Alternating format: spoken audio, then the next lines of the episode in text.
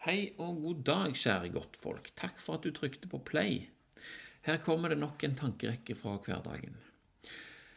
Har du noen gang spurt noen om hvordan det går, og fått til svar at jo da, de har det travelt? Hvordan responderer du på det? Før så brukte jeg alltid denne trøstende ja ja, men det er jo bedre å ha det travelt enn at det ikke er det, vel? hæ? Men er det nå egentlig det? Hvorfor tror vi at det er sånn? Hvis det er så bra å ha det travelt, da er jo alt greit, da. Men kan det, kan det hende at kostnaden er høyere enn resultatene du får av det du gjør når du har det travelt? Du kan jo nesten se det på personen som sier at han har det travelt, at det ikke er noe gøy. Det er sikkert noen som jubler og er glad når de har det travelt, men eh, jeg har ikke møtt noen av de ennå. De jeg har møtt, de vrir seg uff når de sier det. Det er som om alt de skulle ha gjort, og, de, og de de skulle ha gjort det for, passerer i revy foran øynene deres. Det er kanskje derfor vi parerer med denne her alltid oppmuntrende ideen om at det er en bra ting. Et forsøk på en liten trøst i en uoversiktlig situasjon det ikke ser ut til å være noen ende på. Så hvem var det som kom på dette her da, om at det var så jækla bra å ha det travelt? Var det kong Salomon, dette her? Det var han som sa vi skulle gå til mauren og lære av den. Se hvordan han jobber, og hva han får til. Den jobber, ja, og de får resultater, ja, men har de tid til å finne på nye ting? Har de ikke sett disse her innsatte som bygger Taj Mahal med fyrstikker når de sitter i fengsel? De kunne vært litt mer innovative og virkelig imponert oss på sørsida av den furua. Det er lenge siden kong Salomon forsvant nå, men jaggu lærte han oss ei lekse vi ennå ikke har glemt. Når jeg sjekker hva travel faktisk betyr, så var det vanskelig å finne noe skikkelig bra. Noen mener at det stammer fra det franske ordet travail, og det beste jeg fant på norsk, er rett og slett at det betyr at en har mye å gjøre, og at en har mye ugjort.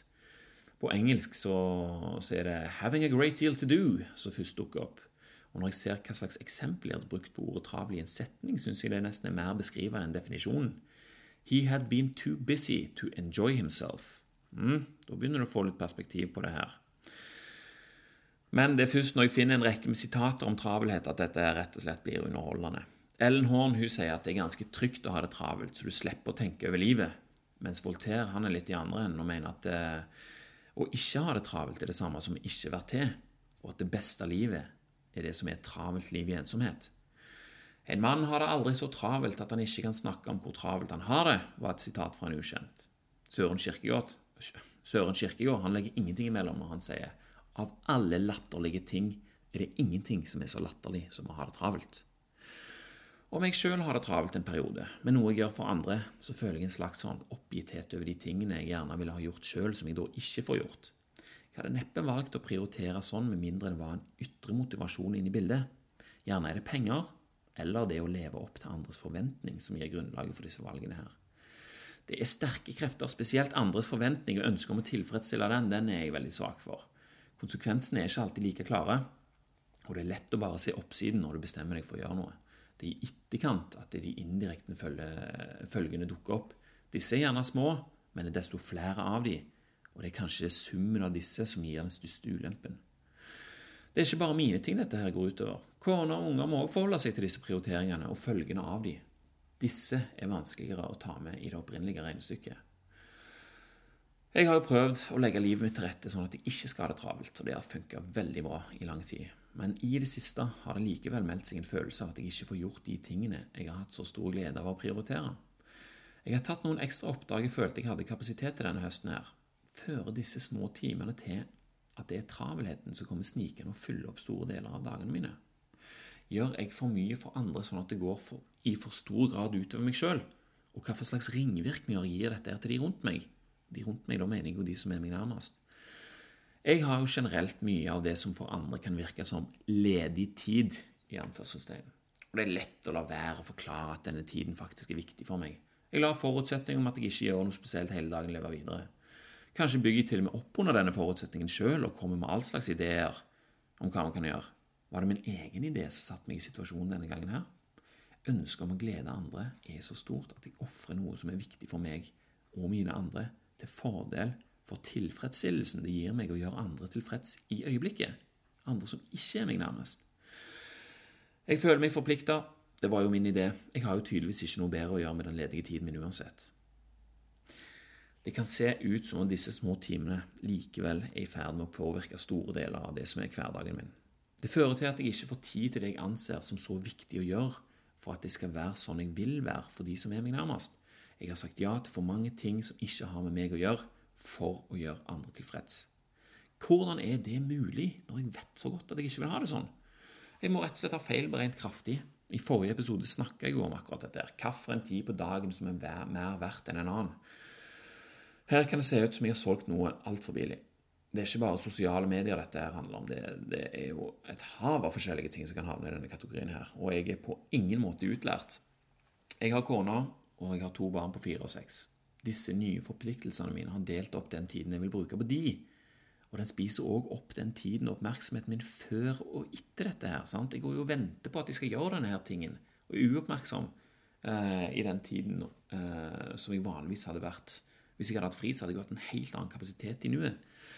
Jeg har altså solgt den tiden som jeg anser som verdifull, til fordel for noe som er mindre viktig enn det jeg ellers hadde brukt den tiden på. Utbyttet er dårlig, rett og slett. Jeg gjorde det i beste mening, men det var først i etterkant jeg fant ut hva kostnaden på dette faktisk var. Verdier går inn, helt klart. altså Det er jo kjekt, og andre blir glade sånn som det, men det er større verdier som går ut. Det er viktig å hjelpe andre og gjøre andre glad, det er det ikke noe tvil om. Men det er likevel viktig å veie dette her rett. Og her kommer det et nydelig sitat om travelhet eh, til sin rett bedre enn noensinne. Den som har det for travelt med å gjøre godt, har ikke tid til å være god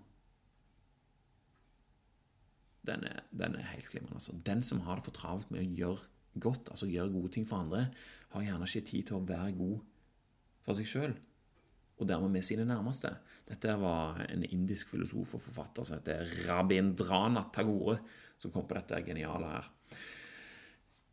Jeg trenger egentlig ikke så lang tid for å justere dette tilbake, om jeg vil. Jeg har imøtekommet andre ønsker og oppdaga at det går utover mine egne i større grad enn planlagt. Greit. Å reversere det er jo logisk, men det er en veldig kjedelig ting å gjøre. Det har òg sin kostnad. Noen jeg har tilfredsstilt, blir kanskje skuffa. Og det er vanskelig å ta tilbake, eller det er vanskeligere å ta tilbake noe enn det er å ikke gi det i første omgang. Skjønner du? Om en hund ikke fikk det beinet han hadde lyst på, så vel, ok, så glemmer han det fort. Men om han fikk beinet, og du prøver å ta det tilbake etter et par timer, da havner vi i en helt annen situasjon her. Hmm, Kanskje hun bare skal få lov til å ha det beinet. Det er ikke verdt eh, konfrontasjon, rett og slett. Hunden kan jo bli både aggressiv og mannavond. Nå er det jo ikke akkurat sånn det er med mennesker, men jeg kan jo lett lage den konfrontasjonen stor nok i mitt eget hode til at jeg eh, lar være å gjøre det. Har du gjort det noen gang? Ofte er det jo bare tanken som er skremmende, og den lager du så stor du vil sjøl. Selv. Selve handlingen viser seg å ikke gi det ubehaget en hadde tenkt, hvis en velger å allikevel ta konfrontasjonen. Så hvordan skal jeg gjøre dette lettere for meg å ta dette valget, da? Hvis jeg syns ubehaget ved konfrontasjonen og den potensielle skuffelsen til motparten er for høy til å gjøre noe med, så betyr jo det at jeg må fortsette med dette her jeg har funnet ut at jeg nå ikke syns er verdt det. Og det gir jo heller ikke mening. Det blir mye lettere når jeg setter det opp sånn. Jeg var jo ikke nødt til å gjøre dette for å få mat på bordet eller betale regninger. Dette var en overskuddsting som jeg tenkte ja, ja, dette kan jeg gjøre. Men det endte opp med å koste mer enn det smaker, rett og slett. Jeg var bare ikke i stand til å forutse det. Nå vil jeg reversere det, og det skal bli deilig når det er gjort. Jeg er glad jeg oppdager det i tide. Det tok ikke mange ukene. Bare å ha tenkt over dette og bestemt meg for hva jeg skal gjøre, gjør at jeg føler meg mer avslappa. Nok et poeng til meg sjøl for å ta meg tida til å finne dette her ut. Jeg satt en morgen og skrev dette her eh, tidlig en morgen uten at hodet mitt var blitt forstyrra av for mange utenforstående krefter. Så, og det gjorde meg i stand til å ta denne eh, avgjørelsen i god tid før momentet ble for stort. Sant? Jeg kunne sitte og argumentere fram og tilbake for meg sjøl. Nå vil jeg bare fullføre mine forpliktelser og glede meg over at det snart skal ordne seg igjen, og at ting går tilbake til normalen. Det er rart å oppdage hvor lett det er å havne i en situasjon jeg så grundig har prøvd å unngå. Jeg vil én ting, men gjør likevel noe som fører til at det motsatte skjer. Hadde jeg hatt det virkelig travelt og ikke tatt meg tid til å reflektere over hva det var som var i ferd med å skje, kunne det tatt mye lengre tid før jeg skjønte det. Når alt kommer til alt, var dette en nyttig påminnelse til meg sjøl. Det kosta meg noe stress og litt tid, men det er her jeg sjøl må styre hva slags utbytte jeg vil sitte igjen med etterpå.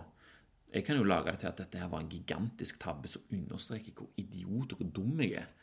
Eller det kan være en lærdom og en erfaring som gjør meg i stand til å ta eh, riktigere avgjørelser seinere ut ifra mitt eget syn og situasjon.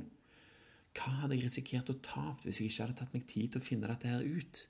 Dette er jo en, en av de store verdiene av ikke ha det travelt. Noen vil kanskje sitte igjen med et inntrykk av at dette her er egoistisk, en egoistisk handling, spesielt de som jeg tar noe tilbake fra nå. Og det er det kanskje òg, men det fins mange måter å være egoistisk på. Og Nå snakker jeg jo for min del her. Jeg har jo små unger nå. Det er jo ikke egoistisk for de at de nå tar dette tilbake og bruker tiden tilbake på de. Og Det er dette det baserer seg på, egentlig. Familien. sant? Altså, De er viktige for meg nå, og jeg er viktig for de. I løpet av noen år så vil dette sakte, men sikkert snu. Jeg blir mindre viktig for dem. Og da vil det åpne seg bedre tid til å ta vare på andre. Og da er det òg for seint å finne ut at jeg burde prioritert annerledes hvis jeg ikke hadde gjort det. Kanskje fører dette til at jeg òg blir viktigere for barna mine når de blir eldre, enn hvis jeg hadde brukt, brukt mindre tid og vært mindre til stede når de var små. For hva ønsker vi egentlig å bli huska for av våre nærmeste? Hva vil vi sjøl huske, og hva for noen ting vil vi angre på når vi blir gamle? Ja, det var egentlig det jeg hadde å si om den saken. Så kanskje blir det lettere for deg òg å avgjøre om du skal si ja til en ting. Veie det her litt mer i den ene eller den andre retningen. En ting som jeg kan anbefale, i hvert fall, er å sjekke ut den fine filmen fra School of Life om hvordan, eh, hvordan, være egoistisk. Altså, det er masse måter å være egoistisk på, og det som kan se egoistisk ut i første omgang, egentlig, eh, kan egentlig komme tilbake og gi en større mening senere, som vil hjelpe de som tror du er egoistisk, i større grad. Altså, det, blir, det, blir, som en investering. Altså, du investerer i deg sjøl, sånn at du kan hjelpe deg bedre senere. Så det kan du gå inn og sjekke her. Linken til den videoen ligger inne i teksten her hvis du vil eh, se på den. Og så ser jeg òg for meg at dette her sitatet fra Rabindranath òg vil gjøre det lettere for meg å, skute, eh, å styre denne skuta framover. Den som har det travelt med å gjøre godt, har ikke sjøl tid til å være god. Mm, den der, altså. Den likte jeg skikkelig godt. Tusen takk for at du ville høre på. Det tar jeg ikke som en selvfølge i hele tatt. Det er veldig nyttig for meg å skrive disse tingene her ned, og hvis det kan være nyttig for noen andre å høre på det, så er jo det bare helt glimrende. Siden jeg lagde episode 16 om hvorfor jeg ikke bruker sosiale medier til å fronte denne podkasten her lenger, så har jeg heller ikke fulgt med på statistikken en eneste gang. Jeg har ikke peiling på hvor mange som hører på. Jeg ser bare at podkasten noen ganger hopper litt opp. Hvis det kommer en ny episode, så går den litt opp på iTunes-rankingen. Og det gir meg jo en liten indikasjon på at det muligens er flere som, eh, som hører på han. Og det er jo hyggelig. Så når det er sagt, så ønsker jeg deg en veldig god dag i dag. Bedre enn vanlig, faktisk. Så jeg håper du tar det og bruker det til din fordel. Vi snakkes.